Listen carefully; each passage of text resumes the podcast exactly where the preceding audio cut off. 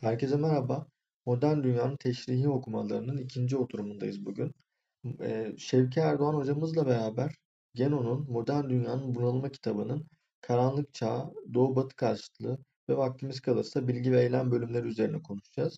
Sizdeyiz hocam. Evet.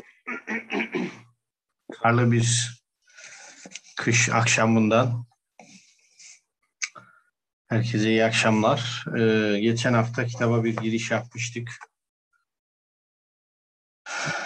Kitaba giriş yapmış olmak e, zaten kitap aslında Genon'un diğer bütün metinlerine neredeyse bir giriş olduğu için giriş yapmış olmak çok yeterli olmuyor. Bir, bütün meseleler tekrar tekrar birbiriyle bağlantılandırılarak e, konuşuluyor. Onun için geçen hafta konuştuğumuz şeyleri bu haftada nispeten konuşmak gerekebilir. Hatta gelecek haftalarda da tekrar tekrar bu hafta konuştuklarımızı konuşmak icap edebilir. Tam da Genon'un e, karanlık çağı anlattığı pasajla alakalı olarak çevrimsel bir tarih anlayışıyla başlıyor bu bölüm. Karanlık Çağ bölümü yani kitabın ilk bölümü. E, çevrimsel tarih anlayışı arkadaşlar şu anlama gelir.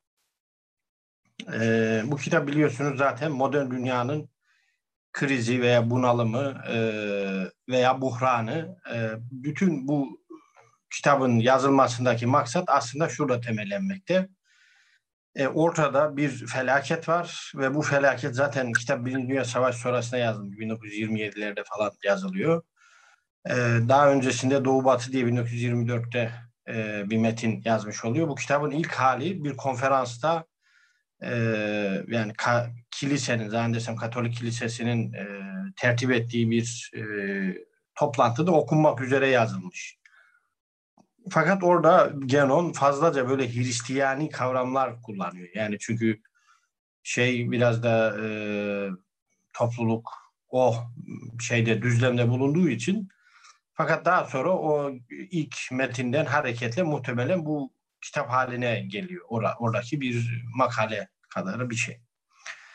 Şimdi burada çevrimsel onun için şimdi bu bu felaketin bir anlamlandırılması lazım. Yani bu felaketin anlamlandırılmaması durumunda e, burada e, ya e, sonsuz ve çaresiz bir ümitsizlik ve kötümserlik içerisinde bir kötü çöküntü kabullenilmelidir veyahut e, işte elinden bir şey gelen insanlar bu çok büyük bir felaket gibi yani çok da çözüm bizim elimizde olmayan bu büyük felaketin bir ilacını bulmak durumundadır. Yani bu e, aslında kitabın mantığı biraz da bu. Yani sadece e, bir felaketi resmetmekten ziyade bu felaketin anlamını da tespit etmeye çalışıyor. Genon zaten e, modernite eleştirilerinden veya modern dünyayı analiz eden metinlerden e, bu anlamda farklılığı budur demek mümkündür.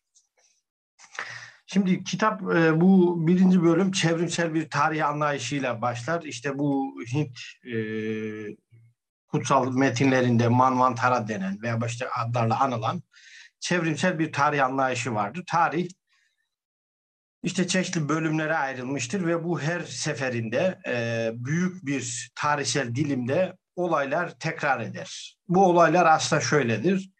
E, bir ilkesel e, veya kökensel bir e, manevi imkan e, zamanın yozlaştırması karşısında giderek kudretini kaybeder, parlaklığını kaybeder ve bu işte e, burada şeyi anlatıyor. Yani Batı ile kıyaslandığında işte altın çağ, e, ne bileyim bronz, gümüş çağ, bronz çağ, demir çağ gibi. Yani bu metal, e, altın giderek daha değersiz bir e, düzeye doğru gider. İşte demir olur en son. Veya işte bu e, kökensel manevi imkan giderek kudretini kaybeder ve sona doğru iyice hızlanır. Bunu da Genon e, birçok metninde yaptığı gibi fizik e, şeyiyle açıklar. Hani düşme e, hızı e, zaman geçtikçe artar biliyorsunuz. E, yani yanlış hatırlamıyorsam fizikte öyle bir kaydı olması gerekiyor. Ona benzeterek yani bu zaman geçtikçe de bu karartının, bu bozulmanın giderek artacağını anlatıyor. Başka metinlerinde de bu, bu şeyle anlatır. Binom açılımıyla anlatır. Hani en tepede bir vardır. işte aşağıda bir, bir, bir veya iki, iki, iki falan böyle üçgen halinde sayılar aşağı doğru artar ve çokluk giderek artar. Yani tepedeki birlik bir basamak aşağı gittikçe sürekli katlanan bir şekilde çokluğa dönüşür.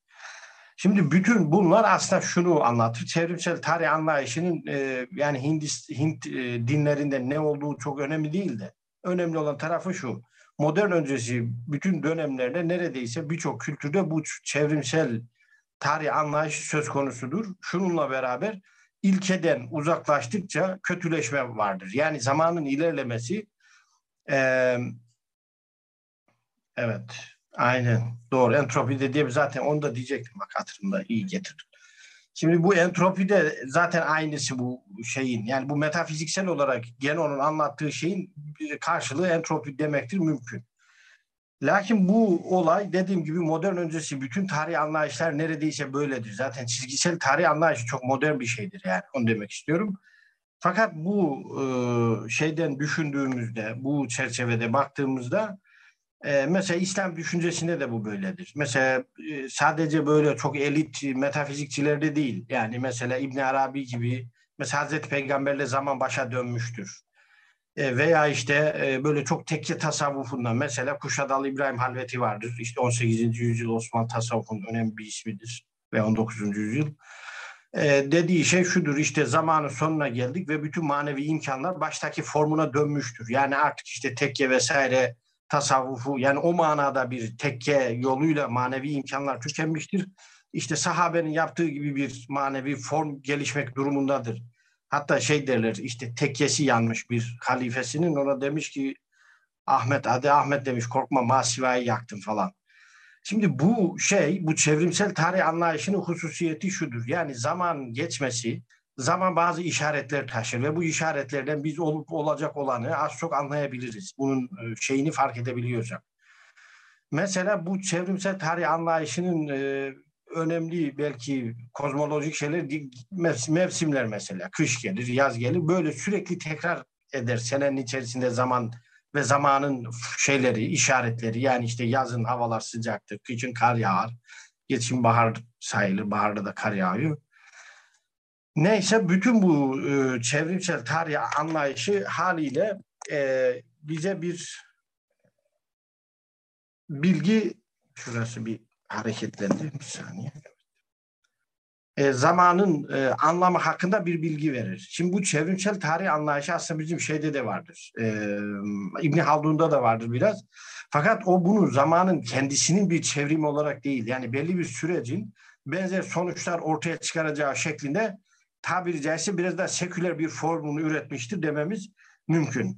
Ama geleneksel e, şeyler, e, manevi gelenekler, büyük geleneksel e, ne bileyim işte büyük gelenekler, büyük manevi gelenekler bunu hep böyle anlamıştır.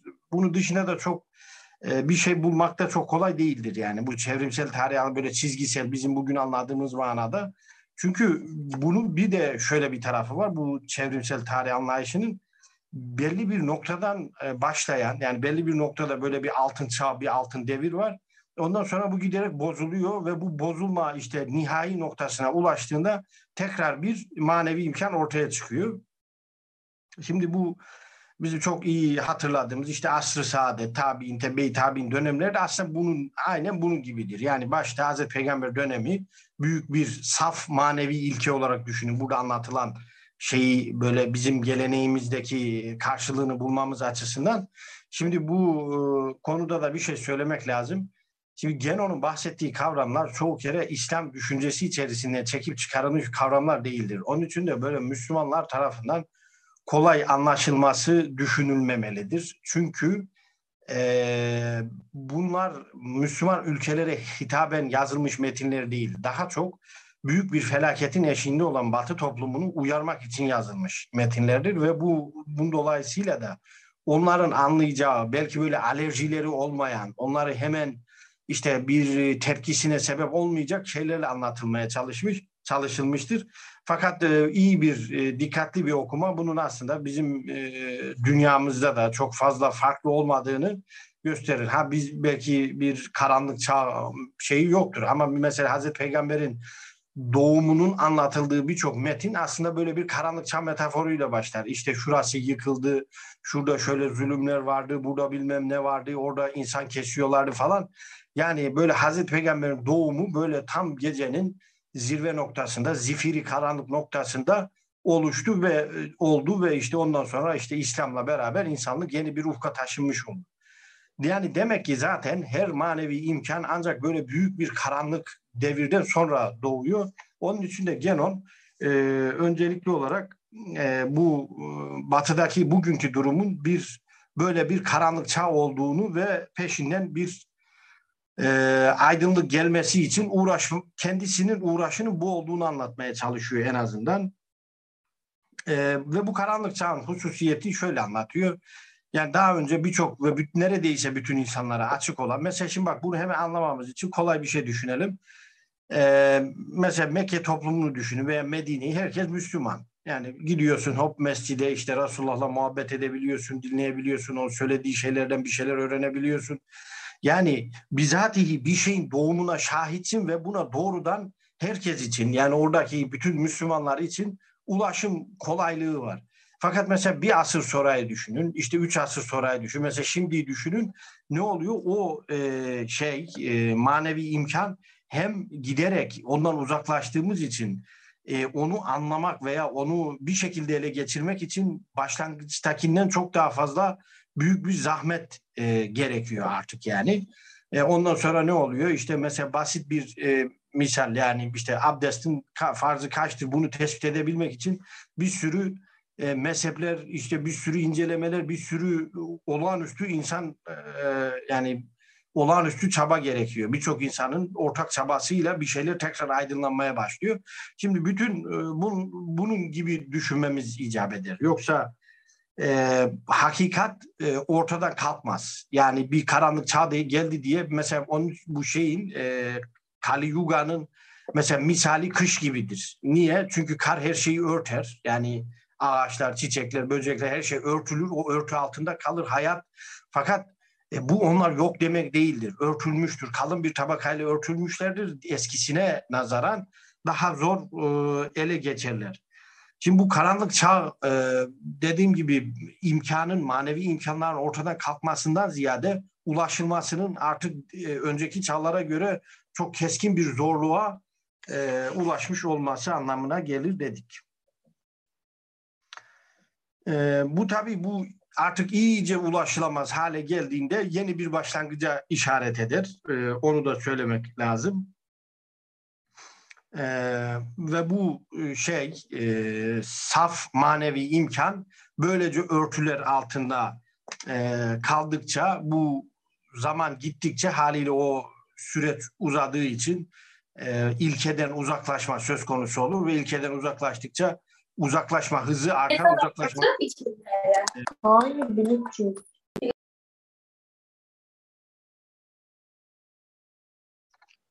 Abi sesiniz kapandı galiba. Açabilir misiniz? Evet açtım. Şimdi bu ilkeden uzaklaştıkça bu manevi imkanlardan uzaklaşma hızı artıyor. Uzaklaşma hızı arttıkça da iyice ulaşılmaz hale geliyorlar. Böylece e, en sonunda bir tükenme noktasına geldiğinde ortaya yeni bir manevi imkan çıkıyor. E, fakat bu çağın başlangıcıyla alakalı bir kısım tespitlerde bulunur. Burada e, onlar e, mesela milattan önce işte 6. yüzyıldan öncesinin çok fazla tarihi bir değeri olmadığını bugün falan ifade eder. Onlar bugün için tartışılır şeylerdir. Yani gerçekten milattan önce 6. yüzyıldan öncesinde e, ilişkin bilgiler var mı yok mu bunları çok bilemiyoruz. Yani o kendi, bu karanlık çağ iddiasını dayandırdığı argümanların sıhhati onun Genon'un yaşadığı çağla bugünkü arasında neredeyse 100 yıl kadar bir fark var bu kitap yazılalı beri. Şimdi işin ilginç tarafı kitap yazılalı 100 yıl olmasına rağmen mevzuda çok değişen bir şey yok. Demek ki e, o karanlık çağ bizim anladığımız hızda tükenmiyor yani. Fakat burada bir e, birkaç noktayı e, dikkatle ele almamız lazım bu bölümde. Onlardan bir tanesi şudur. Mesela felsefe diyor. Mesela diyor ki Bir kere bak bu e, gene burada çok önemli şey bugünkü karanlığın köklerinin Yunan Roma medeniyeti olduğunu söylüyor. Genel itibariyle de bu medeniyet teorisyenleri hani bugünkü Batı medeniyetine köken aradıklarında işte bunu gider Yunan'a e, dayandırırlar. Yunan medeniyetinden işte doğmuş o Yunan aklının işte giderek inkişafından ortaya çıkmış bir medeniyet olduğunu işte Orta Çağ diye böyle bir e, hafif bir karanlık dönem geçirmiş ondan sonra yoluna devam etmiş ortaya bugünkü eşi benzeri menendi olmayan e, Batı medeniyetin çıkardığı kanaati hakimdir zaten bugünkü e, şeyde de konjüktürde de. Lakin mesela orada birkaç örnek veriyor. Diyor ki e, mesela Yunan diyor zaten aslında bütün e, çağlarda bütün insanlar benzer manevi imkanlara sahiptir. Benzer manevi gelenekler vardır. Benzer bir kültür söz konusudur. Fakat e, bu diyor ilk defa tarihte diğer medeniyetlerde çok karşılığı olmayan bir şey Yunan'da ortaya çıkmıştı. Buna diyor felsefe deniyor. Şimdi burada fark şu. Şimdi bugün e, birçok teorisyen Batı'nın üstünlüğünü bu felsefi aklın yani rasyonel aklın ortaya çıkışının işaretleri olan işte Aristo, işte Platon, Aristo gibi filozoflara dayandırırken Genon aslında bugünkü bozulmayı ortaya çıkaran sürecin e, o ilk bozulmadan ortaya çıktığını söylüyor ve bu bozulma aslında tam olarak Aristo felsefesine veya işte Plat, biraz da Platon'a denk gelmiş oluyor. Yani aslında Genon'un e, bugün modern dünyanın başlangıcı olarak e, modern e, batının kendisine aldığı Aristo veya Platon gibi düşünürleri genom bozulmanın başlangıcı olarak değerlendiriyor. Çünkü diyor işte birçok gelenek gibi birçok manevi e, esaslara bina edilmiş gelenek gibi Yunanlarda diyor bildiğiniz o bir medeniyetti. Şimdi burada Genon'un medeniyet dediği şey aslında kesintisi canlı bir geleneğin, canlı bir manevi geleneğin olduğu e, bir yer, bir mekan veya bir topluluk düşünün. Fakat diyor bunların içerisinde bir şey doğdu. O güne kadar böyle bir şey yoktu. Adına felsefe dedikleri bir şey ortaya çıktı ve o güne kadar aslında manevi birer imkan, bir gelenek, manevi bir e, pratik olan tabiri caizse e, bir şey birden adına felsefe dendi. Aslında dedi, diyor onlar buna felsefe derken ne dediklerini farkındaydılar. Çünkü felsefe bilgelik sevgisi demekti. Fakat bilgeliğin kendisinin o olmadığını biliyorlardı. Yani biz aslında bilgelerin e, mesela şimdi bunu e, iyi anlamak lazım. Şimdi burayı iyi anlamadığımız zaman e, bugün ne gelindiğinde olan biteni çok anlamıyoruz. Çünkü bugün ki felsefe kavramı 18. yüzyılda neredeyse üretilmiş bir felsefe kavramıdır. Halbuki 18. yüzyıl öncesi veya daha öncelerinde felsefe denen şey bildiğiniz manevi bir disiplindir. Manevi yani insanın kemalini vesaire hazırlayan bir disiplindir. Hatta Yunan'a gittiğiniz zaman neredeyse mesela Pisagor'un eğitimi bildiğiniz bir tekke eğitimi, tarikat gibi bir şeydir. İşte mağaraların üzerinde e, mabetlerini yaparlar. O mabetlerin hep altında bir mağara vardır. Oraya gidip inzivaya çekilirler. Belli şeyleri yemek yasaktır. Belli işte dualar gibi böyle him denen işte sabah erken şafak vakti kalkılır, himler okunur. Ondan sonra çalışılır, akşam ders vardır. İşte belli sene e, o tekke artık tekke mi ne diyelim oraya gelen insanlar Pisagor'u görmez. Ancak üçüncü sene onunla konuşmaya başlarlar. Fakat bu mesele çok 18. yüzyılda o kadar bulandırılmıştır ki sanki şöyle bir şey olmuş. Yani insanlığın hepsi böyle işte e, saçma sapan işlerle, batıl inançlarla meşgulken Yunanlılar böyle bir şey keşfettiler. Efendim adına felsefe dediler, rasyonel doğa bilimleri e, oluşturdular falan filan. Hiç böyle bir şey yoktur. Mesela Parmenides hakkında şimdi söylenen bir şey var. İşte doğa filozofudur, filozofudur. Şimdi Parmenides'ten geriye kalan şeyin doğayla ne alakası var? Şiirin adı doğa üzerine hiç doğayla moğayla bir alakası yok. İşte Hades'in dünyasına yaptığı bir yolculuğu anlatıyor. Nesi doğa bu? Ne doğası bu? Şimdi diyeceksiniz ki mesela şiir yazmış, geriye kendisinden sadece neredeyse iki buçuk sayfalık bir şiir kalmış bir adam nasıl doğa filozofu oluyor? Çünkü o onun bir doğa filozofu olduğu 18. yüzyıl e, şeyidir, mitolojisidir. Halbuki e, Parmenid'de doğa filozofu falan değildir. Yazdığı şey de dediğim gibi Hades'in dünyasına yaptığı bir manevi yolculuğu tabiri caizse anlatan bir şiirdir. bu şiirin uzun açıklar. Şimdi bunu bu meseleyi çok iyi anlayabilmemiz için şöyle bir örnek ver. Mesela atıyorum e, bir e, Sufi'nin mesela bir Sufi'nin mesela Yunus Emre'nin yazdığı şiirler vardı. Şimdi Yunus Emre e, biliyorsunuz e, tasavvuf ehli bir zat. Şimdi bu Yunus Emre'nin yazdığı şiirlerden bir felsefe çıkarmaya çalışalım. Mesela bu Platon oluyoruz bu aşamada. O Platon'un yaptığı o Yunus Emre'nin işte manevi bir gelişimle, manevi kemalatıyla, işte seyri sülukuyla, ne bileyim manevi eğitimiyle elde ettiği ve dilinden dökülen o hikmeti birisi işte e, aldı ondan bir felsefi bir, bir güzergah uydurmaya çalıştı. Birisi de geldi ondan sonra aldı bu üçüncü bir şahıs yani bu felsefi güzergah oluşturulmuş şeylerden hepten bilimsel metinler, akademik metinler oluşturmaya çalıştı. Şimdi Heidegger Aristo için der ki onun yazdığı metinler ders kitabıdır, felsefi metin falan olması şey değildir. Yani derste anlatımı, ders notlarıdır ondan geriye kalanlar. Şimdi Platon'a baktığınız zaman Platon'un yedinci mektubu vardır biliyorsunuz meşhur. Bir e, birisiyle ilgileniyor bir e, böyle bey gibi artık bir vali gibi bir adamla biraz ilgileniyor, mektuplaşıyor. Sonra o adam diyor ki ben diyor aldım diyor filozoflar. Bakın burayı iyi anlamak lazım. Bazı filozoflar diyor metinlerini okudum diyor. İşte onlar diyor sohbetlerinde bulundum, dinledim falan. Ve diyor anladım ben diyor artık biraz anladım diyor bu meseleyi yani bir şeyler fikir beyan etme yoluna gidince Platon e, herhalde rahatsız olmuş olacak ki ona uzun bir mektup yazıyor. Felsefenin nasıl tahsil edileceğine dair. Yani böyle ilgisi olan varsa o mektubu lütfen bir okusun. Hiç öyle bugün felsefe denen şeyle bir alakası olmadığını hemen anlarsın. Zaten e, evet e, doğrudur. Hatta bakın şöyle bir kitap çıkmış yeni.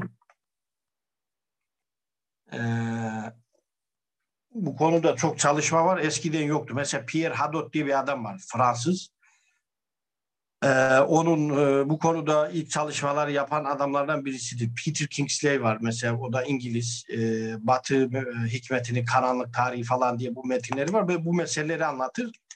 Ve ondan sonra şimdi bu yedinci mektuba dönersek yedinci mektup orada der ki işte bu kadar ilim tahsil etmen lazım. işte matematik, geometri, musiki falan.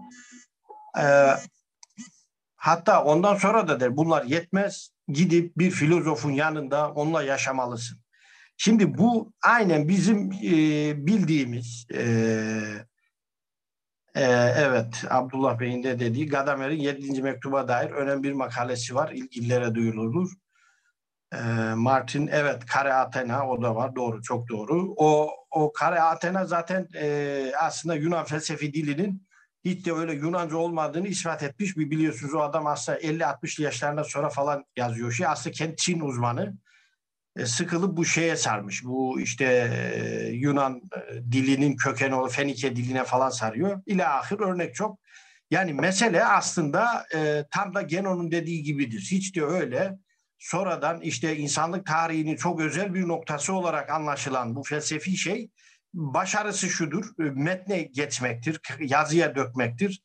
E, bugün bize oradan ulaşan metinlerin çoğusu da e, yani böyle şey gibi anlaşılıyor. Hiçbir öncesi yok. Yani böyle bir şey nasıl olacak? Hiç o güne kadar kimsenin düşünmediği, bilmediği bir şeyi zaten kimse yazmaya cesaret edemez. Niye? Çünkü kendi çağdaşlarınız da bir kere aşağılanırsınız ne diyorsun diye.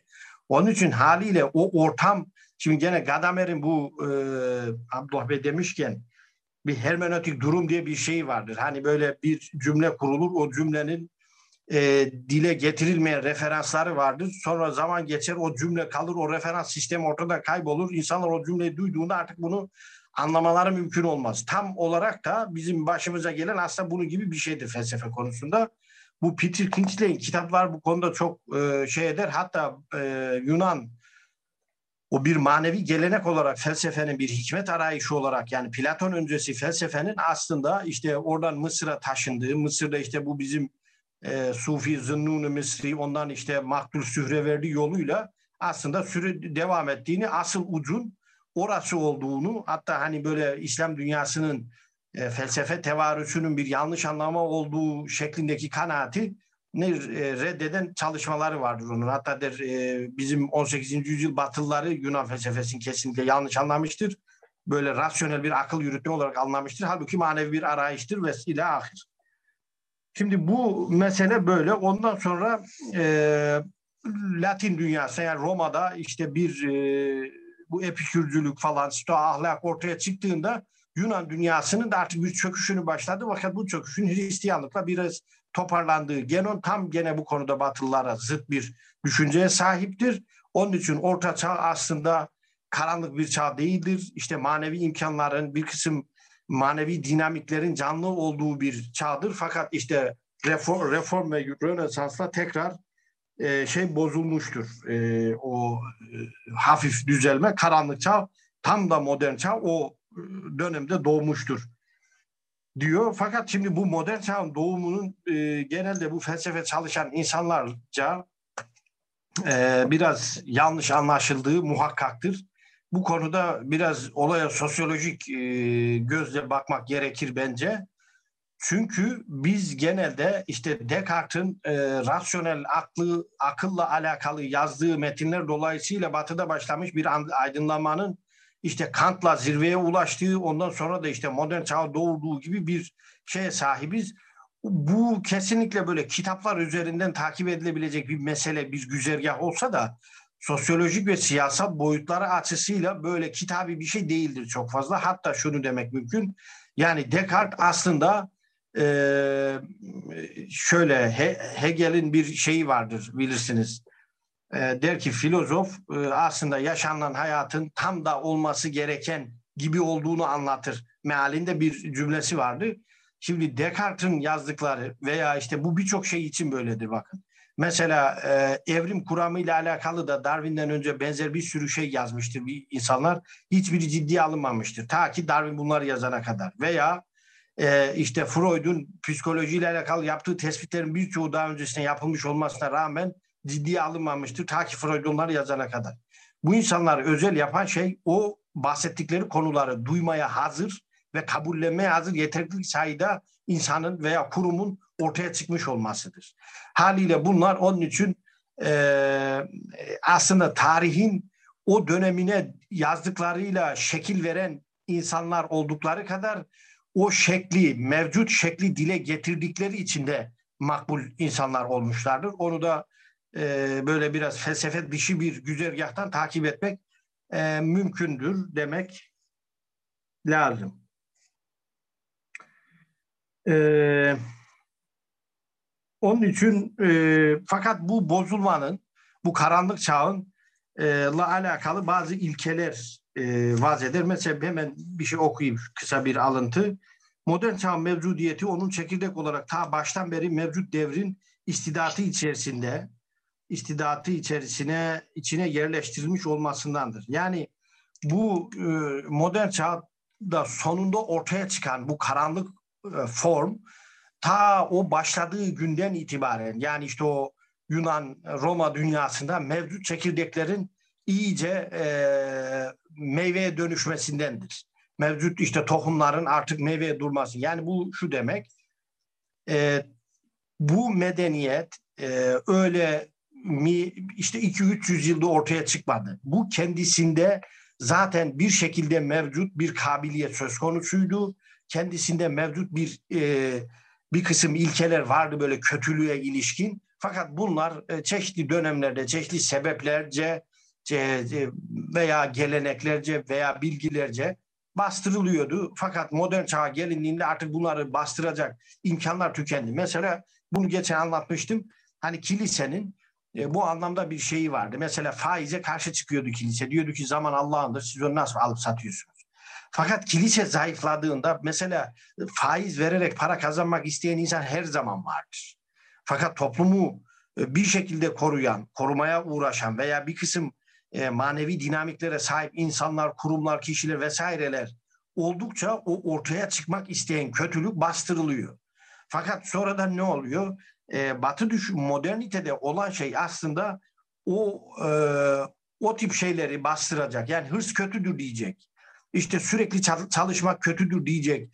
Ne bileyim faiz kötüdür diyecek. Bütün e, maddenin bütün imkanlarını tahakkuk ettirmeye uğraşmak kötüdür diyecek kurumun, kişinin, geleneğin ekarte edilmiş olmasıdır. Haliyle bunları söyleyecek bu cümleleri mesela sekülerizm de öyledir. Sekülerizmin ortaya çıkışı e, aslında sekülerizme karşı duracak grubun yani sekülerizm e, kutsalı yeryüzünden silmeden önce bir şekilde kutsalı yeryüzüne yaymaya çalışan kesimleri ortadan kaldırdı. Ondan sonra kendi yayıldı. Yani onun için e, böyle sekülerizmin başarısı gibi gösterilen şeyler bir zihinsel veya entelektüel başarıdan ziyade aslında bir siyasal başarıya dayanır.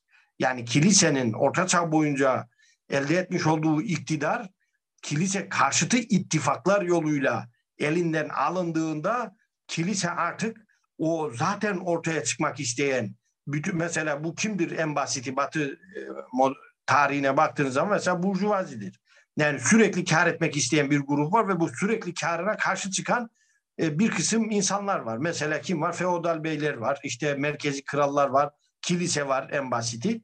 Onu sürekli karı engelleri e, sürekli karına mani olacak grupları ortadan kaldırdığında bütün e, yaşamsal formu e, kara kar olan, ticaret olan, işte e, alım satım olan e, bir kültür e, Batı dünyasına egemen oldu ve haliyle para e, veya işte maddiyat her şeyin e, alternatifsiz ölçüsü haline gelmiş oldu.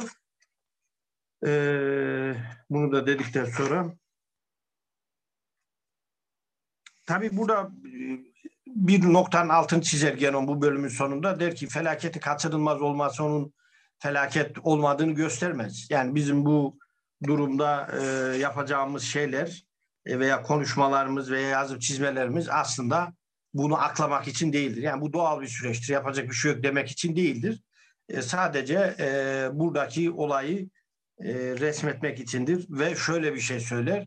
Yani bu aslında toptan ve külliyen bir bozulma değildir e, kısmi düzensizlikler büyük düzenin parçasıdır bu çevrimsel tarih anlayışı esasında. Mesela kış gelir işte her şey ölür e, ama bu yazın baharda işte her şeyin daha gür ortaya çıkması için bir hazırlık olarak düşünülür. Bunun gibi e, ikinci bölüm Doğu ve Batı arasındaki e, konuda söyleyeceğim başka bir şey var mı? Şöyle bir bakayım. Yani bu işte karanlık çağın e, böyle iyice ilkeden uzaklaşılmış son demlerinin aslında maddeye ilişkin bir hırs olduğuna e, kanaat getirmiştir. E, böylece sürekli maddileştiren bütün mesela entelektüel açıklamaların bile madde zemininde yapılmaya çalışıldığı görmek, denemek, işte bir şekilde e, deneyimlemek yoluyla bütün e, entelektüalitenin aslında bir duygusallığa, duygusallığa indirgendiği bir çağ olarak e, bundan bahseder tekrar ve bu çağın alameti olarak bir şey e, den bahseder. Der ki kaslar karışır. Yani bu aslında Yunan, şey Yunan diyorum, e, Hint metinlerinde var. E, kaslar birbirine karışır, aile bozulur. Şimdi bunu böyle kıyamet alametleri gibi okumak da mümkün. Yalnız e, şuradan çevrimsel tarih anlayışına göre arkadaşlar şöyle bir, zaten bu aslında bizde de böyledir. Çok yakın zamanlara kadar herkes klasik toplumların hepsinde herkes babasının mesleğini yapar. Yani ailenin bozulması şu demektir aslında e, babasının mesleğini yapması da toplum için bir güvenlik şeyidir. Yani mesela atıyorum terzi sayısı azalmaz. Yani terzilik e, çok kar etmeyen bir iş olsa bile sonuçta terziye ihtiyaç vardır. Onun için her terzinin oğlu da terzi olur ve böylece toplumun o manadaki şey devam eder. E, yani bu aslında ailenin bozulması, kasların karışması, dikey ve yatay hiyerarşilerin bozulması demektir. Yani mesela bilgeliğin ortada kalkması demektir. Çünkü hani geçen hafta da konuşmuştuk veya başka bir derste mi konuştuk? Bu e, klasik dönem boyunca en gerekli insan tipi yaşlılardır. Bilgelik, efendim tecrübe demektir. Gençler o anlamda daha cahillik, işte tecrübesizlik, yetersizlik, duygusallık, heyecan e, gibi şeylerle örtüşür. Onun için makbul karakter insan tipi yaşlılardır ve e, onlar bildiklerini, bilgi ve görgülerini gençlere aktararak e, bir e, şey oluştururlar. E, bir düzenlilik oluştururlar ve bir e, yani herkes her şeyi deneyerek öğrenmez. Her şey Herkes her yanılgıyı bir yanıldıktan sonra öğrenmez. Herkes her doğruyu işte yaparak öğrenmez. Bir öncekinin bilgisinden, tecrübesinden istifa. Fakat modern çağ bunu tam tersine çevirmiştir. Yani bizim yaşadığımız çağda hiçbir yaşlı makbul bir insan değildir. Makbul olan şey gençliktir. Korunması gereken şey gençliktir. İşte kırışık kremlerinden işte eşofmanla gezen dedelere kadar hepsi aslında bu mantalitenin ürünüdür. Bu bu o karanlık çağ ve Kali Yuga anlayışına göre bir ahir zaman alametidir demek mümkün. O zaman hemen ikinci bölüme geçersek şimdi Doğu Batı arasındaki zıtlık zaten e, Genon'un başka bir kitabında da e, şey bir önceki kitabında yani bundan önceki Doğu Batı diye bir metni var. Orada incelediği bir konudur ve Batı medeniyetinin aslında e, Doğu'yla zıtlığının sebebini araştırır. Der ki Doğu Batı arasında gerçek bir zıtlık yoktur. Aslında bu Batı denen şey modern dünyadır ve modern dünyayla dünyanın geri kalan arasında bir zıtlık vardır ve bu gerçek bir e, zıtlıktır der. Onun için e, bu medeniyetin hususiyetinin tamamen maddi bir medeniyet olması, bütün imkanlarını madde üzerinde bir hakimiyete harcaması olarak e, düşünür. Bilgi burada faydacılığa indirgenmiştir ancak faydalı olan bilgi sayılır ve işte sanayide bir ürüne dönüştürülemeyecek, bir pazarlamaya yaramayacak. Yani bugün de öyledir. Üniversitelerin en e, şey bölümleri e, ne diyeyim e, cazip bölümleri felsefe ne bileyim o, o tip bölümler değil. E, en e, hızlıca işte para kazanmaya yarayacak ne bileyim e, gibi bölümlerdir. Bunun ile ahir. İşletme, pazarlama, işte savaş, bilgi böyle bir şeye yaramak durumundadır. Yani bilginin kendisi kıyme, e, kıymetinin kendisinden kaynaklandığı bir bilgi türü artık bu modernite e, zaviyesinden bakıldığında böyle bir bilgi zaten söz konusu değildir. Bunun zirvesinin işte pragmatizm olduğundan bahseder sık sık. E, o kitapta da şeyde yani o Doğu Batı'yı da e, okusanız güzel olur. Orada da bu konu daha geniş olarak ele alınıyor zaten. E, maddi gelişme ve ilerleme zaten e, bu medeniyetin bütün varoluş sebebidir. Başka da kendisine e, bir şey vermez. Fakat burada maddi gelişmenin neye mal olduğu çok önemli değildir. Mesela bir sanayi devrimi bizim toplumumuzda da öve öve bitirilmez ama o sanayi devrimi yıllarında İngiltere'nin halkının nasıl yaşadığı, ne yaptığı hiç şey edilmez. Mesela bu e, neydi o filmin adı? Şey, e, Yüzüklerin Efendisi filmini bilirsiniz illaki. O filmin hikayesini de herkes biliyordur. O kitabı yazan e, edebiyatçı Tolkien şeyin e, bu tradisyonalist ekolden e, hatta uzun zaman Genon'un da e, sekreterliğini yapmış Martin Links'in çok yakın arkadaşıdır.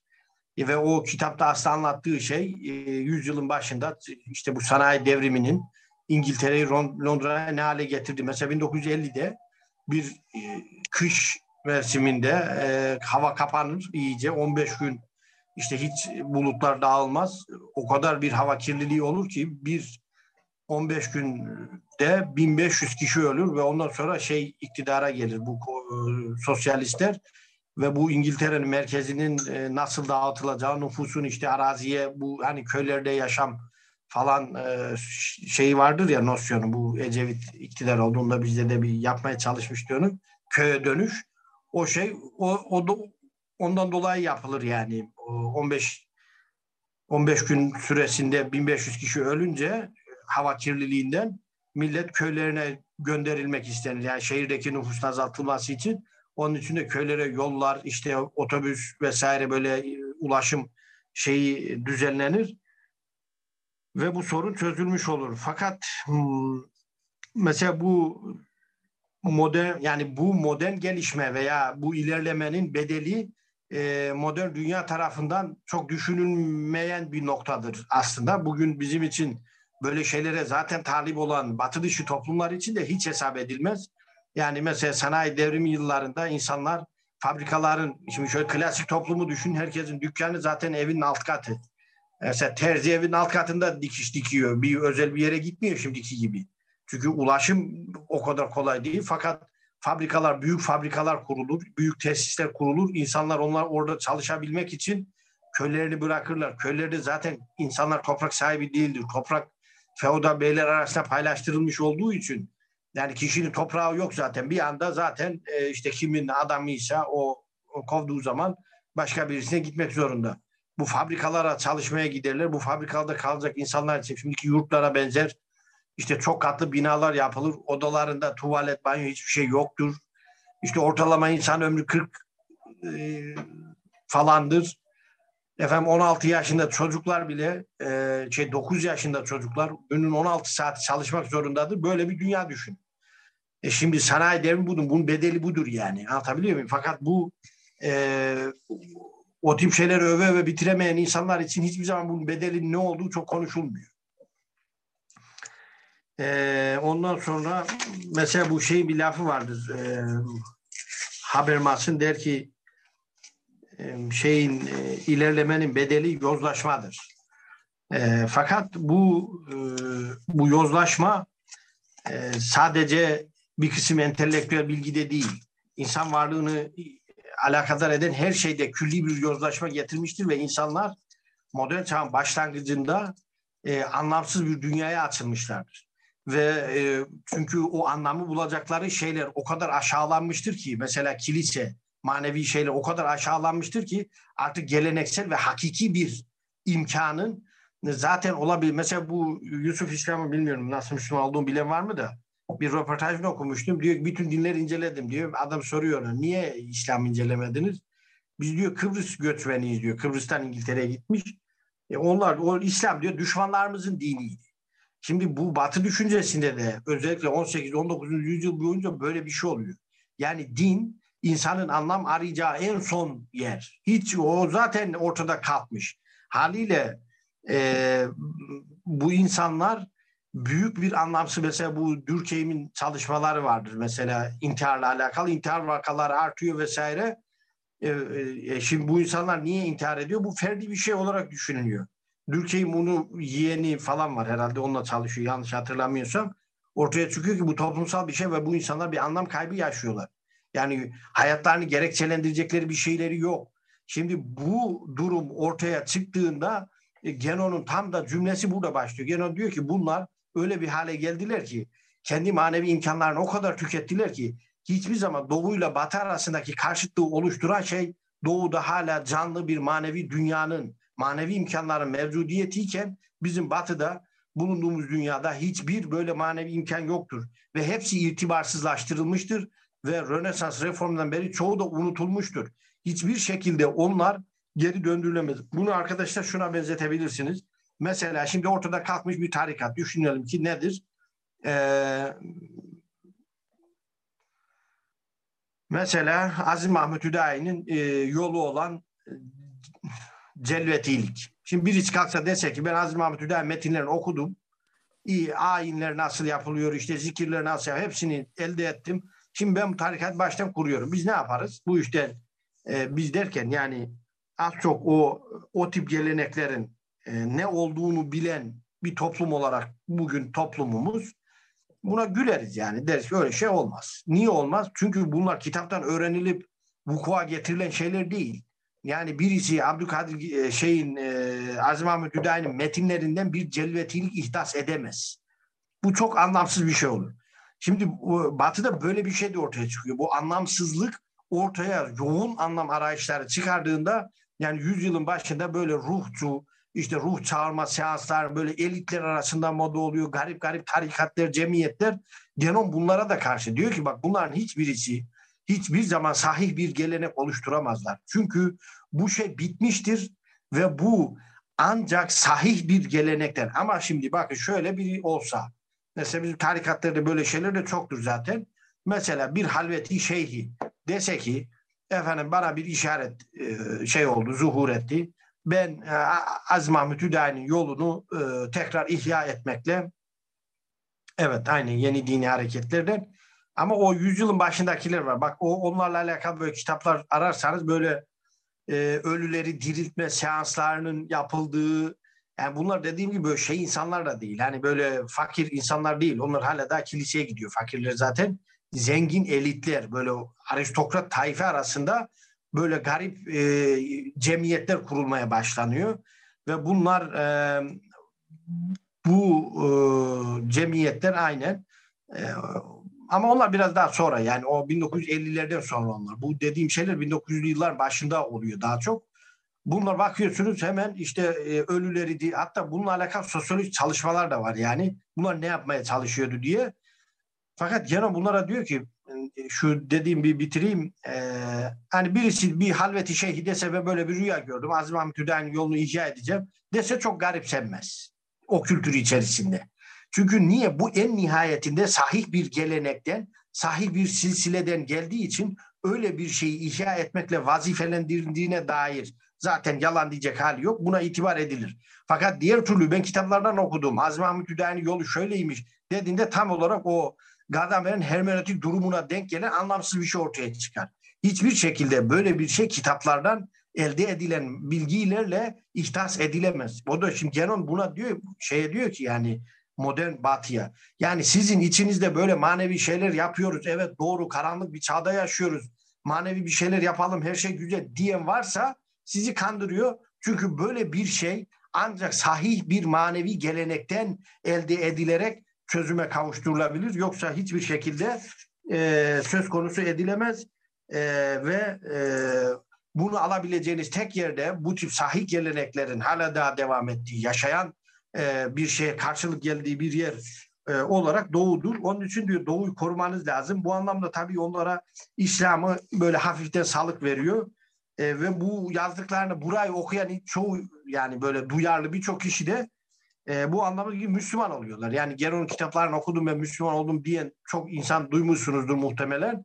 Yani onlar birçoğu aslında Genon'un böyle sahih, kesintisiz efendim e, e, bir silsilesi olan e, şimdi burada iki şey var. Genon'un aradığı şey geçen hafta da konuşmuştuk. E, ben bunu biraz Tahral Hoca'dan da mülhem söylüyorum. İki şey vardı. Birisi kesintisiz bir manevi imkan. İkincisi bu manevi imkanın kabuğu durumundaki bir e, zahiri form. Yani bizim tabirlerimize çevirirsek hakikat ve şeriat diyelim. Yani böyle hem içeriği bozulmamış hem de formu bozulmamış bir e, imkan arıyordu Genon. Onun için kendisi bunu böyle kitaplarına o zaman işte bir dergi var orada yazıyor. E, o meşhur Müslüman olma hikayesi de öyle. Birisi bir Ivan Agel diye bir İsveçli ressam kendisine bir mektup yazıyor. Diyor bu sen anlattığın şey diyor İslam dünyasında var. Ee, yani bunu başka bir yerde e, arama falan diye o, o şekilde kendisi de zaten Müslüman olmuş. Mesela onun için e, burada bir şeye de altını çizelim. E, gelenek kavramını burada bir açıklamaya tabi tutuyor. Diyor ki mesela geleneksel felsefe diyorlar diyor. Böyle bir şey olmaz. Gelenek dediğin şey hiçbir zaman beşerle alakalı bir şey değildir. Beşer üstü bir şeydir. Yani insan üretimi, insanın ihdas ettiği bir şeye gelenek denmez diyor. Mesela bu e, şunun gibi e, gene bu konuda en güzel örnek mesela destek ki biz e, atıyorum e, oturup aramızda şey yaparak işte anlaşarak birisi birimiz şeyh olsun diğerleri de onun müridi olsun bir tarikat kuralım dediğimizde ne olur? Bu kişisel yani beşeri bir şeydir. Bir kararla kişilerin bir oydaşmayla verdikleri bir karar, karardır. Bir konsensüstür. Halbuki diyor gelenek böyle bir konsensüs değildir. Gelenek beşer üstü bir şeydir. Kişileri aşan bir formdur. Oradan e, yani sahih bir e, insan üstü bir yerden gelir. Yoksa e, bir, bir çeşit oydaşma, bir çeşit folklorik e, bir konsensüs asla değildir diyor Genon ve bunu e, bu bölümde de aslında kastettiği şey şu e, Büşra Hanım bir şey sorun okuyamadım. Bir daha yazarsam okuyabilirim.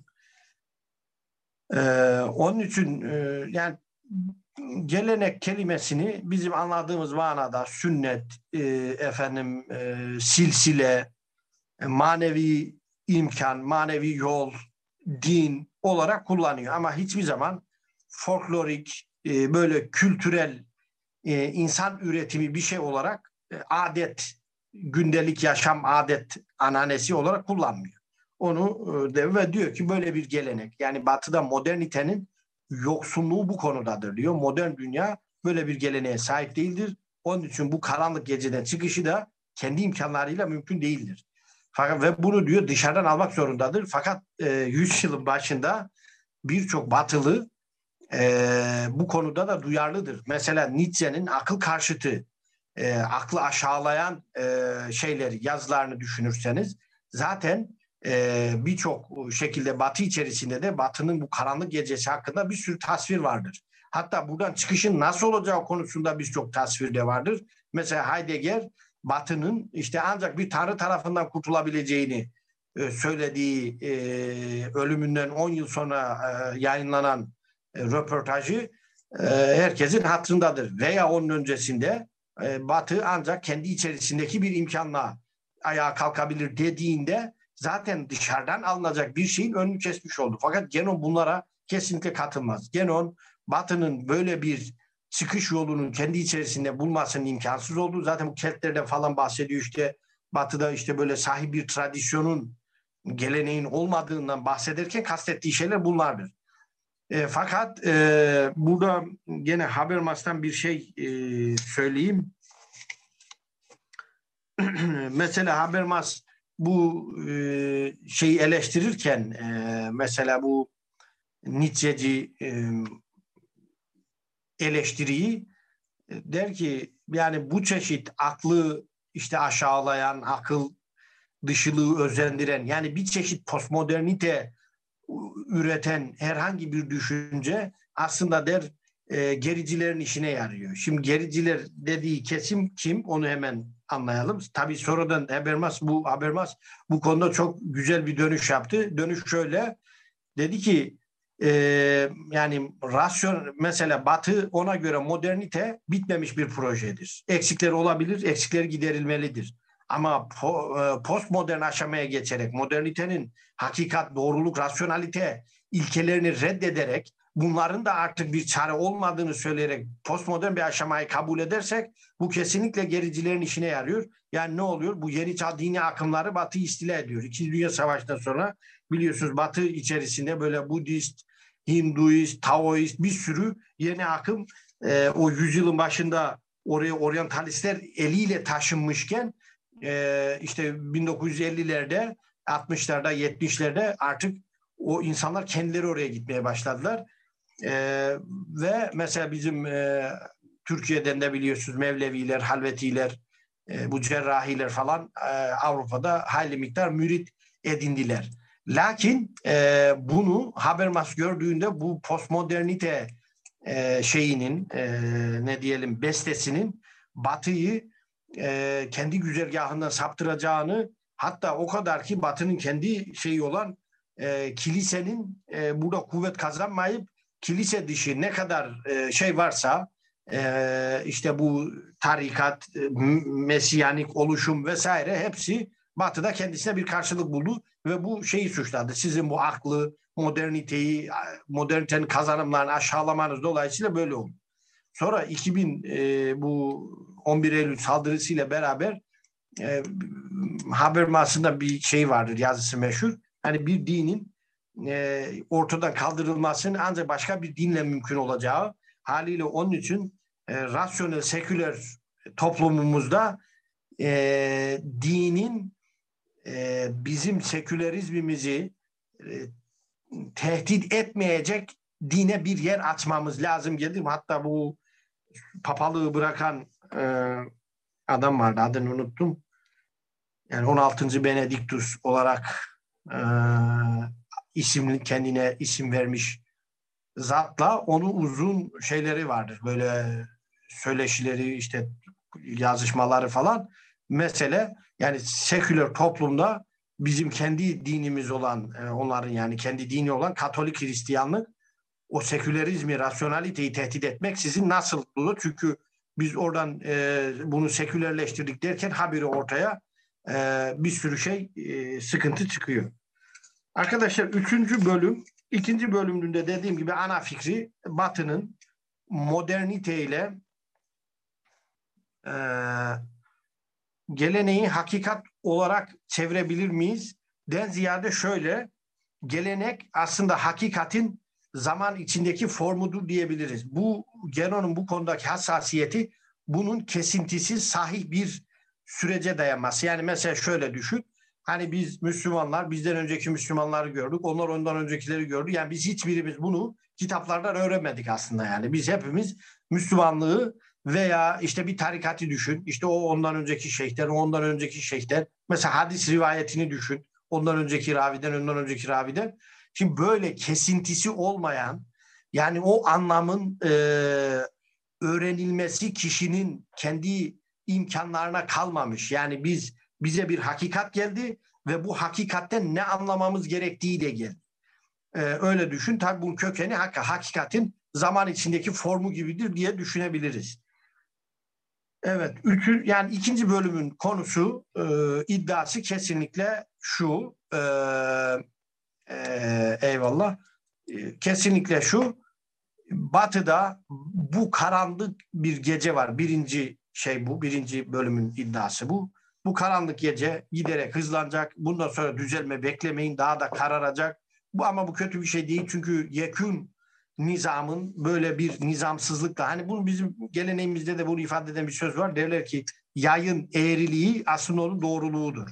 Yani bu ok atılan e, yay eğri olduğunda ok atar. Düz bir çubuk ok atmaz haliyle.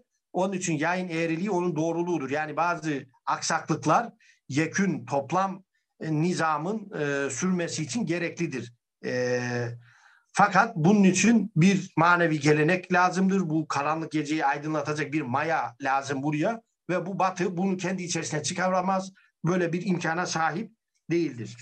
Ve ikinci, üçüncü aşama, üçüncü e, şeyde e, bilgi ve eylem diye çevriliyor genelde Türkçedeki şeyi. Ama bunu ilim ve amel, işte tefekkür ve e, amel olarak da düşünmek mümkündür. Şimdi bu iki şeyi bir kere açıklamaya çalışıyor önce. Diyor ki e, bunlar diyor biri diğerine tercih edilebilir şeyler değildir. Bu bir. İkincisi birbirine karşıt şeyler de değildir. Birbirinin bütünleyicisi olarak vardırlar. Fakat bu bütünleme işlemi nasıl olacak? Yani bunlar arasında bir ast üst ilişkisi var mıdır? Beri tarafta da şöyle bir şey diyor. Şimdi bunlar birlikte var olacak. Birbirini tamamlayacaklar ilim ve amel veya işte bilgi ve eylem. Ama diyor bunlar hiçbir şekilde eşit e, olamazlar. Ve ondan sonra bir tercih yapıyor. Diyor ki mesela batıda üstün olan şey, üstün tutulan şey çağlar boyunca diyor eylemdir. Yani ameldir veya fakat e, onun için de diyor batı e, başka metinlerinden hareketle söylersek mesela batılı formlar e, hızlıca e, içi boş e, şeylere dönüşür. E, ritüellere dönüşür. Yani mesela bugün kilise e, şeyini e, incelerseniz e, ayinlerini yani bir papanın kendisi bile o ayinleri kendi kafasına tutamaz. Yani yanında birisi vardır. E, o liturji diyorlar o işlerin alimi. O onu anlatır. Şimdi burada sağa dön, burada sola dön işte şu cübbeyi çıkar bunu giy falan. Çünkü niye aşırı derecede e, her dönemeçte kardinal koleji veya kurulu oturup karar vermiş. Şuradan dönelim, bunu böyle koyalım, bunu böyle yapalım. Onun için diyor ki Batı e, daha egemen olan şey ha, ameldir, harekettir. Yani bilgi ve eylem ikileminde eylemdir. Onun için diyor böyle eyleme muazzam bir tutkuları vardır. Hatta da bugün bile bu zaten e, bugün modernite içerisinde böyle hareketin, eylemliliğin daha e, özel bir yer e, işgal ediyor olmasının e, temel sebebi budur ve bu anlamda diyor düşünce doğunun e, bir e, şeyidir. Doğu medeniyetleri bu anlamda e, düşünceye e, daha özel bir yer e, verirler. Ve burada e, mesela Peyami Safa'nın e, bu bizim yani kendi ülkemizde de e, Batı incelemeleri söz konusu olduğunda böyle ilginç örnekler vardır. O ilginç örnekler o kadar yaygınlaşmıştır ki aslında bir aşağılama olduğu bugün bizim için unutulmuştur. Mesela Peyam Safan bir tespiti var. Der ki batı akıl, doğu kalp. İşte onlar e, düşünce, biz his, duygu. Yani ne alakası var yani? E, ondan sonra batıyı e, Genon e, eylemle, doğuyu dedi ki bilgiyle e, işaretler. Ee, ve der ki onun için bunlar modern çağın hani yükselen bilimi nedir desek işte matematiktir der. O, o da sayı, sayı e, e, nedir? Maddenin e, şeyidir. E, hakkıdır. Yani sayılar e, maddeyle alakalı şeylerdir. Maddi düzene ait bir e, çok şeydirler, e, sembollerdirler ve ondan sonra şöyle bir tespitte bulunur. E, bu bunlar bu maddeyle bu kadar e, uğraşmalarının sebebi e, hareketin yani hareket dediğimiz zaman değişmenin maddi dünya ile alakalı oluşudur der. Onun için der bunların zihni e, mesela Batı medeniyetine Genon'un başına beri yaptığı temel eleştiri yani modern Batı medeniyetine e, metafiziğe zihinlerinin açık olmadığıdır. Çünkü der madde ve onun alayıkıyla o kadar meşguldürler. Sayılarla her şeyi ölçmeye o kadar çalışırlar ve bütün gerçekliği matematiğin içerisine sığdırmaya o kadar uğraşırlar ki hiçbir şekilde e, şeyin e, metafiziğe zihinleri açılmaz. Şimdi matematiği aynı zamanda e, biliyorsunuz bu Genon'un e, tezlerinden bir tanesinin adı e, sonsuz küçük hesaplamaların metafizik ilkeleridir ve Leibniz'in matematiksel sonsuz kavramına karşı çıkar. Yani der ki matematiksel sonsuz diye bir şey olmaz. Sonsuz metafiziğe ait bir kavramdır. Mate, matematiğin içerisinde çekilemez. Bu sadece burada bir mecaz olarak bulunur. Ee, onun için bu aslında bilgi ve eylem bahsi e, değişme ve ilke bahsidir. Bu değişimi mümkün kılan ilke bahsidir. Ve buradan Aristo üzerinden bir değerlendirme yapar. Biliyorsunuz Aristo'nun e, şeyi şöyledir. Kuramı bir hareket etmeyen bir ilk hareket et, ettirici vardır. Bu her şeyi harekete başlatır ve bu her şey e, sonuçta varmak istediği bir kemal noktasına doğru hareket eder. Şimdi Genon buradan e, bilginin e, şöyle bir hususiyeti üzerinde durur. Der ki yani e, gerçek bir bilgi nesnesiyle özdeşleşir. Yani aslında e, bütün bu hareket bir ilkeye göre olur ve bu ilkeye ulaşmak için olur. Fakat de modern batı dünyasında öyle bir kargaşaya dönüşmüş bir hareket vardır ki neye ulaşmak istediği belli değildir. Zaten öyle ulaşmak istediği bir şey de yoktur. Kendisi e, olduğu yerde hareket etmek istemektedir. Yani hareket için hareket, değişim için değişim aslındadır. Felaketi budur. Halbuki e, her yerde bir değişimi mümkün kılan e, bir ilke ile irtibatlı bir değişim zaten her zaman olmak durumundadır. Çünkü bir e, varılmak istenen bir yer vardır. Fakat de modern batıda böyle bir varılmak istenen yer yoktur. Onun için de böyle hareket, kendi değişim, ilerleme birçok bir farklı şekilde e, köpürtülür. Bu köpürtme neticesinde de ilke iyice anlaşılmaz ve ulaşılmaz hale gelir. E, bunu söyleyelim. Onun için e, gerçek bir hareketin ancak hakiki bir ilkeye dayanması gerektiğini düşünür. Yani mesela şöyle düşünelim.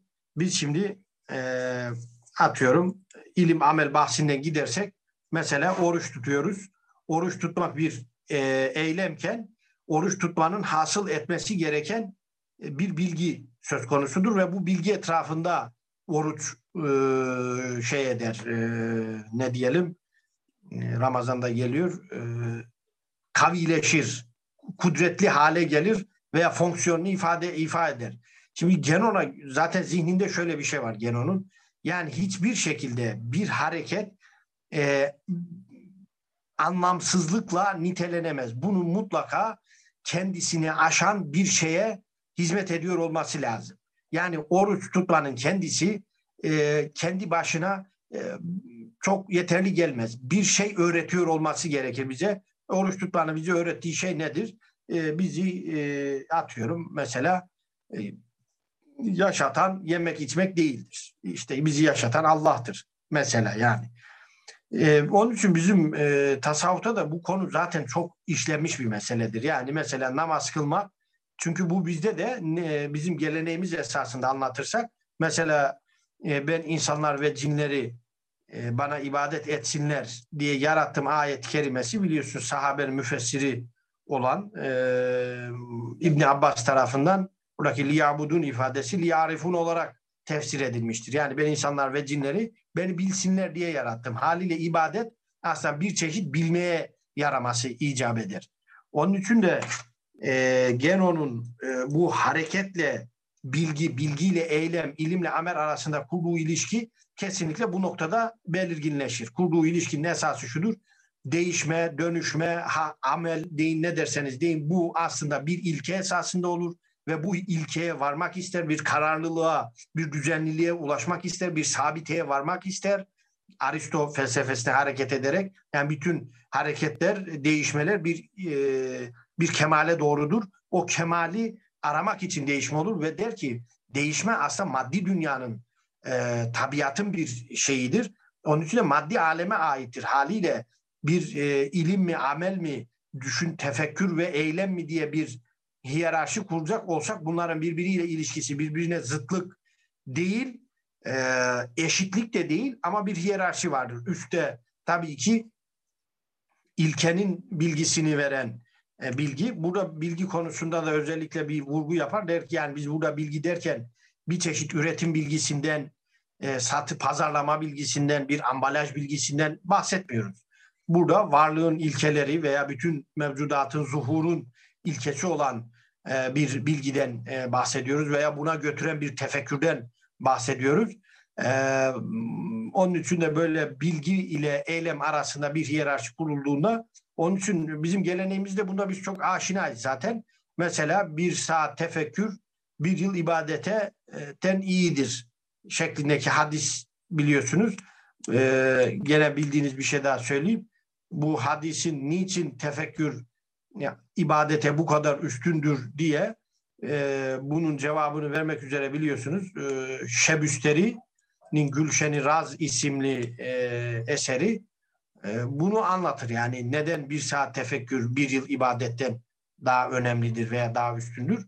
Yani onun için Genon e, e, modern toplumda modern batı düşüncesinde veya batının batı medeniyetinde bir hareket eylem e, fazlası vardı der. Moderniteyle bu hepten ilkesiz, amaçsız bir telaşa dönüştü ve bunların bütün e, ken ve fesadı ilkesiz bir oluş bozuluşa dönüşerek mutlak bir kargaşaya e, ulaştıdır. Onun içinler böyle e, işte mesela bilimsel araştırmaları falan tenkit manasında e, böyle durmaksızın ayrıntılandıran incelemeler, işte birbirine tenkitler, hipotezler havada uçuşur ama hiçbir zaman külli e, olana dair e, bir bilgi şey etmezler, vermezler. Ve onlar mesela biliyorsunuz gene yüzyılın başında modern insanın yani bütün yüzyıl boyunca modern insanın durumuyla alakalı yapılan analizlerin birçoğu modern insanın durumunu e, bir e, yalnızlık olarak işaretlerken Genon modern insanın durumunu çokluk içerisinde dağılma, çokluk içerisinde boğulma olarak e, nitelendirir ve der ki bu adam bir türlü bu modern insan bir türlü kendi kendisiyle kendi kendisiyle baş başa kalamıyor zaten. Böyle bir sıkıntısı var. Yalnızlık sıkıntısı yok. E, yani o binom açılımını düşün böyle aşağı indikçe nasıl çokluk ve sayılar artıyor. De bunlar da öyle. Bilgi zannettikleri şey bir şeyi çoğalttıkça onun halbuki klasik dünya o çokluklardan birliğe ulaşmaya çalışırken bunlar bir şeyden çok şey elde etme amacında onu bölüp parçalamak, tekrar tekrar artırma amacındalar ve bu büyük bir kargaşa ve telaş oluşturuyor. Ondan sonra diyor ki bunların en çok güvendiği şey hani teknolojidir. Yani bilginin bir şekilde sanayi üretimine dönüşmesi. Bu teknoloji halbuki diyor belki de bir gün bu medeniyetin sonu olacak. Çünkü bu çok kırılgan bir tabiatı vardır. Fakat böyle bir ilke olmaksızın eylemin anlamsız olacağı. Çünkü şimdi burada bir e, birkaç tane de eleştiri yapıyor. Mesela e, e, izafiyet e, ti eleştiriyor, te ilerleme eleştiriyor, Bergson'u eleştiriyor. Halbuki Bergson'un sezgiciliği modern dünyada e, böyle e, biraz manevi kim varsa onun şeyidir. E, yapıştığı bir şeydir. Mesela bunlardan hemen iki tane söyleyeyim. Birisi e, Muhammed İkbal. E, Bergson'un sezgiciliğini öve öve bitiremez. Diğeri de bizim Nurettin Topçu'dur. E, Türkiye'de de ciddi miktar Bergsoncu vardır. Böyle Batı ile Doğu arasına e, sıkışmış e, olduklarından Batı'da manevi bir ses olarak Bergson'a çok kulak dayanmış e, insan vardı 1930'lar, 40'lar, 50'ler e, boyunca. Lakin e, mesela bizim gene Nurettin Topçu'nun e, çıkardığı derginin adı Harekettir. E, doktorasını yazdığı e, e, konu hareket felsefesinin e, esasındadır ve durmaksızın hareket eksenli, aksiyon eksenli yazılar yazar. Halbuki genonist bir perspektifte baktığımızda bu köpürtülen aksiyon e, kesinlikle e, bir e, yani bir hiyerarşiye konduğunda ikincil bir şeydir. E, hakiki e, şey yani hareketin de amacı veya ilkesi olan bilginin ele geçirilmesi ve ona nail olunmasıdır. Yani bu hakikat yani bir hareketi bir tahakkuk gibi düşünürsek çeşitli formlar, şekiller alan değişimin e, sabit kalan ilkesi ne ulaştırması gerekir bizi bu hareket. Fakat e, dediğim gibi yüzyılın havasına da uygun olarak hareket. E, çünkü bir taraftan da bu harekette şöyle bir şey var. Yani biz mesela şey Miskinler Tekkesi romanını düşünün. İşte e, tembellik, e, doğunun tembelliği, doğunun miskinliği temaları içerisinde zaten yapışmamız gereken şey hareket. Başka ne yapışacağız?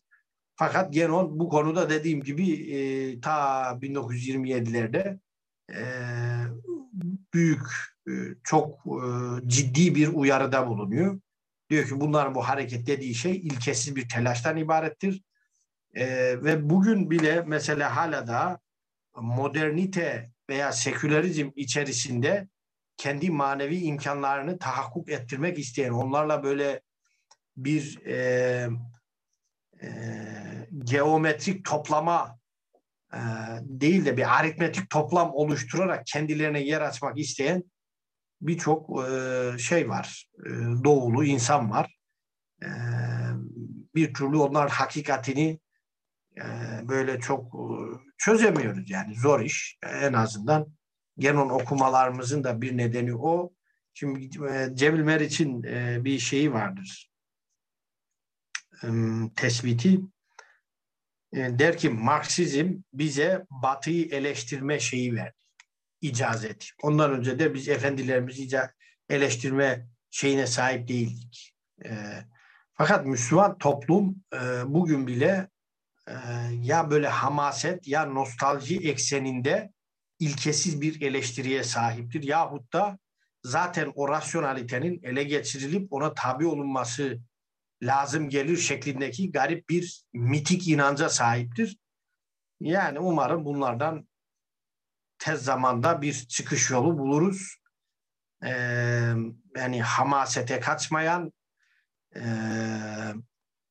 beri tarafta da bir teslimiyet e, vaz etmeyen bir çıkış yolu buluruz. Ümidimizi yinelemiş olalım. Evet, benim diyeceklerim bugün için bu kadar. Çok ee, teşekkür ederiz. Ee, arkadaşlar sorusu olan var mı? İster e, mikrofonu açarak ister chatten bana yazarak sorabilir. Ben de sizin için okuyabilirim. Bu arada ben şey sormak istiyorum aslında. Ee, genon yani akıl kavramına nasıl bakıyor? Yani benim anladığım e, tamamen kötü bir şey olarak e, onu düşündü e, doğru mu anlamışım? Farklı mı düşünüyor? Ne dersin? Hayır. Genon şimdi biliyorsun bu akıl anlamında iki kelime var. Bu entelektüel kelimesinde kökeni olan e, Latince bir kelime var. E, bir de e, diğer o reason anlamındaki akıl var. O e, entelektüalite anlamındaki akıl e, Genon'un zaten saf maneviyatın insandaki imkanı olarak düşündüğü bir şey. O akıl aslında bizim e, ma, e, yani İslam geleneğinde de iki tane akıl olarak düşünebiliriz. Bir aklı meaş, bir aklı mead diye. Aklı meaş gündelik hayata yeryüzüne ait, yeryüzünün işleri ve onların yeryüzünün e, yeryüzüyle e, kodlanmış akıl. Bir de aklı mead var yani yeryüzünü aşan daha metafizik akıl. Genon e, maneviyatın imkanının bu aklı meaş değil, aklı mead olduğunu yani onun entele, entelektüalite olduğunu söyler. Yani o anlamda akıl karşısına kalp vesaire değil de o şey akıl. E, böyle yeryüzünün aklı değil, aklı meaş değil, aklı meadı koyar. Onun için maneviyat zaten saf akıl demektir. Veya maneviyat e, Genon'a göre tahakkuk e, aklın zaten e, tabiri caizse bu İbn Arabi'nin bir kavramı vardır. Şehvetten kurtulmuş akıl diye. E, odur yani. Bu aslında bütün geleneklerde de böyledir. Böyle aklı aşağılayan şey modern dünyada ortaya çıkmıştır. Çünkü modern dünya e, böyle bir akıl şeyi yapınca bir rasyonalite vurgusu e, ile kendisini tahkim etmeye uğraşınca sanki böyle akıl e, maneviyatı reddeden, maneviyat karşıtı bir şeymiş. Akıl eğer aklın yolundan gideceksek zaten maneviyatı şey buharlaştırmamız lazım. O rasyonel olmayacak. Böyle bir şey yok.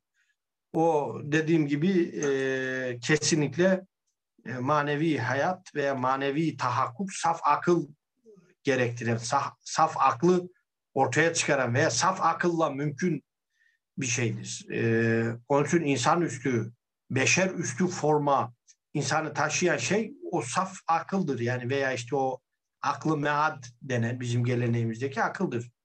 Yoksa akıl karşıtı falan değil. O, Genon aslında modernitenin akıl vurgusuyla bahsettiği şeyin akıl olmadığı kanaatindedir.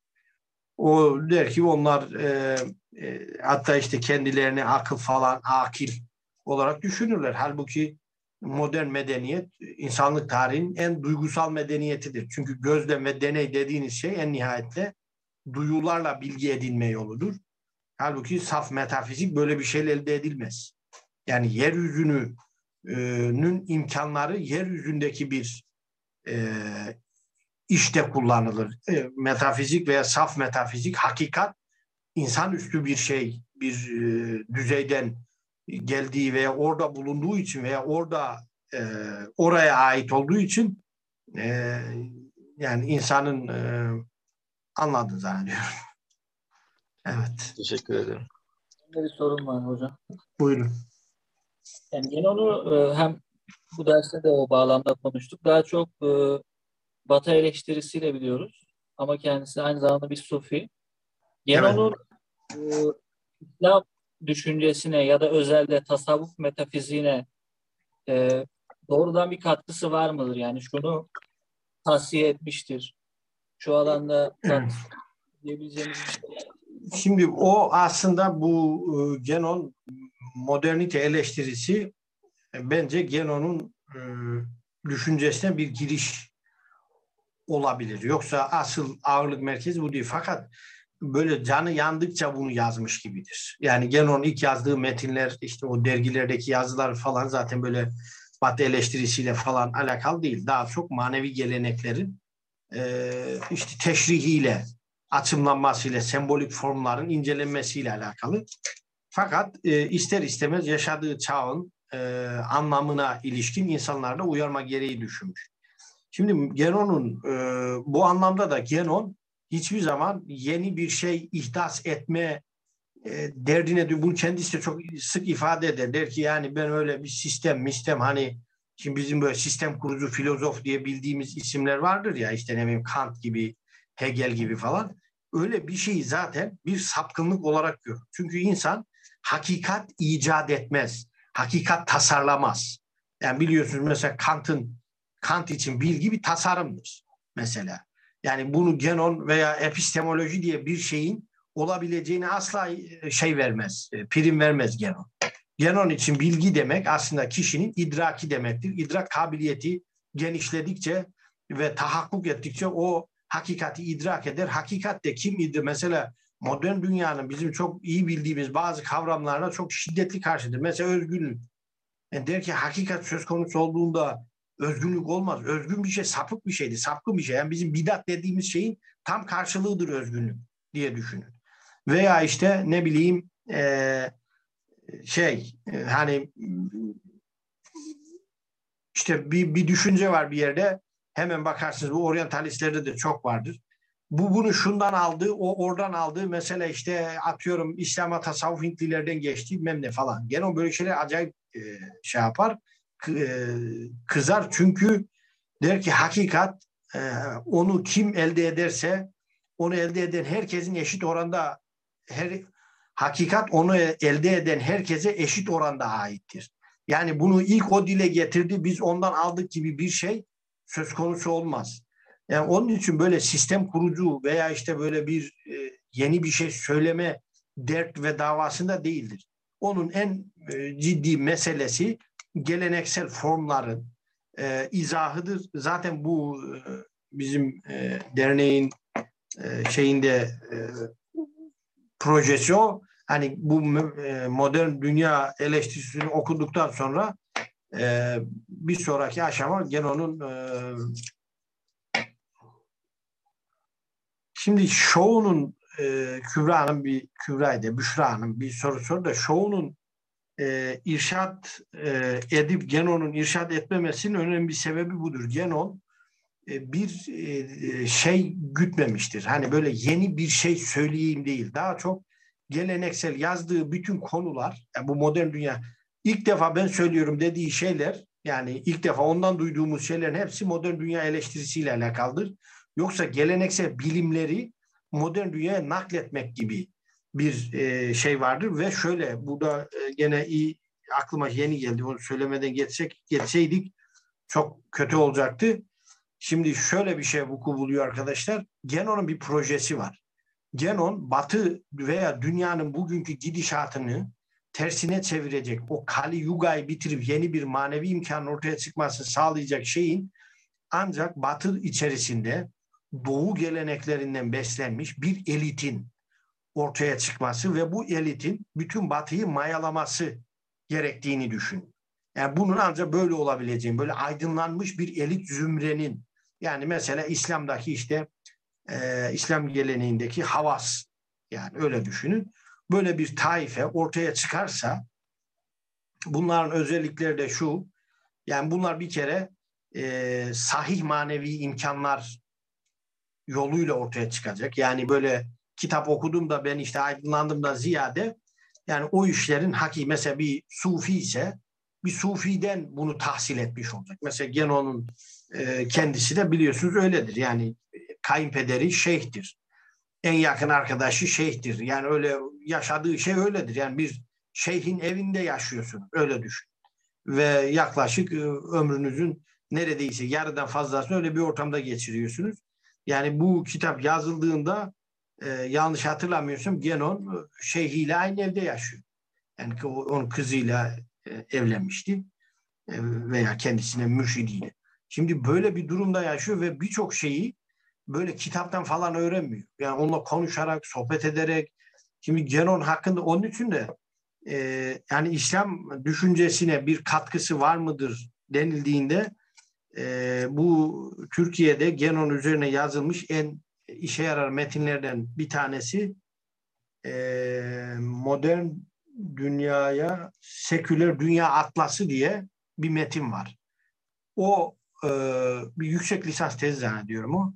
O mesela e, Genon'u e, şey ediyor. O mesela şöyle söyleyeyim ya tekrarlamak gerekirse bence Genon'un en önemli tarafı e, Genon'un e, metafiziğin konusuyla alakalı bir tespiti var. Biliyorsunuz bizim klasik düşüncede de metafiziğin konusu İbn Sina'ya göre varlık, Ekberiye kole yani İbn Arabi Sadrettin Konevi çizgisine göre de haktır. Genon bu konuya ilişkin metni var bir tane. O metni de zaten Genon metafiziği okumalarımızı okuyup analiz etmeye çalışacağız inşallah. Yani bence ben çok özel bir katkı olduğunu düşünüyorum o konunun. E, beri tarafta da incelediği şeyler e, bütün dinlerde, kültürlerde hakikate açık uçlar anlamında sembollerdir. E, ve bu sembollerin modern insanın anlayışsızlığına, katı kalpliliğine, kalın kafallığına tabiri caizse anlatmaya çalışmıştır. Yoksa kendisi böyle bir şey buldum işte falan e, derdinden ziyade beri tarafta da e, gene m, hiç ihmal edilmemesi gereken analizleri hakikatin tahakkukuna ilişkin yazdığı şeylerdir. Yani bunlar da birçok yanlış anlamayı gidermeye matuftur. Şovun konusunda da eee, daha sonra konuşuruz. evet. Başka soru yok herhalde. Sanırım başka soru yok hocam. Ee, dersi bitirebiliriz isterseniz. Peki arkadaşlar. Hayırlı akşamlar. Eee, görüşmek üzere. Allah'a emanet olun. Herkese çok teşekkürler. Haftaya görüşmek üzere.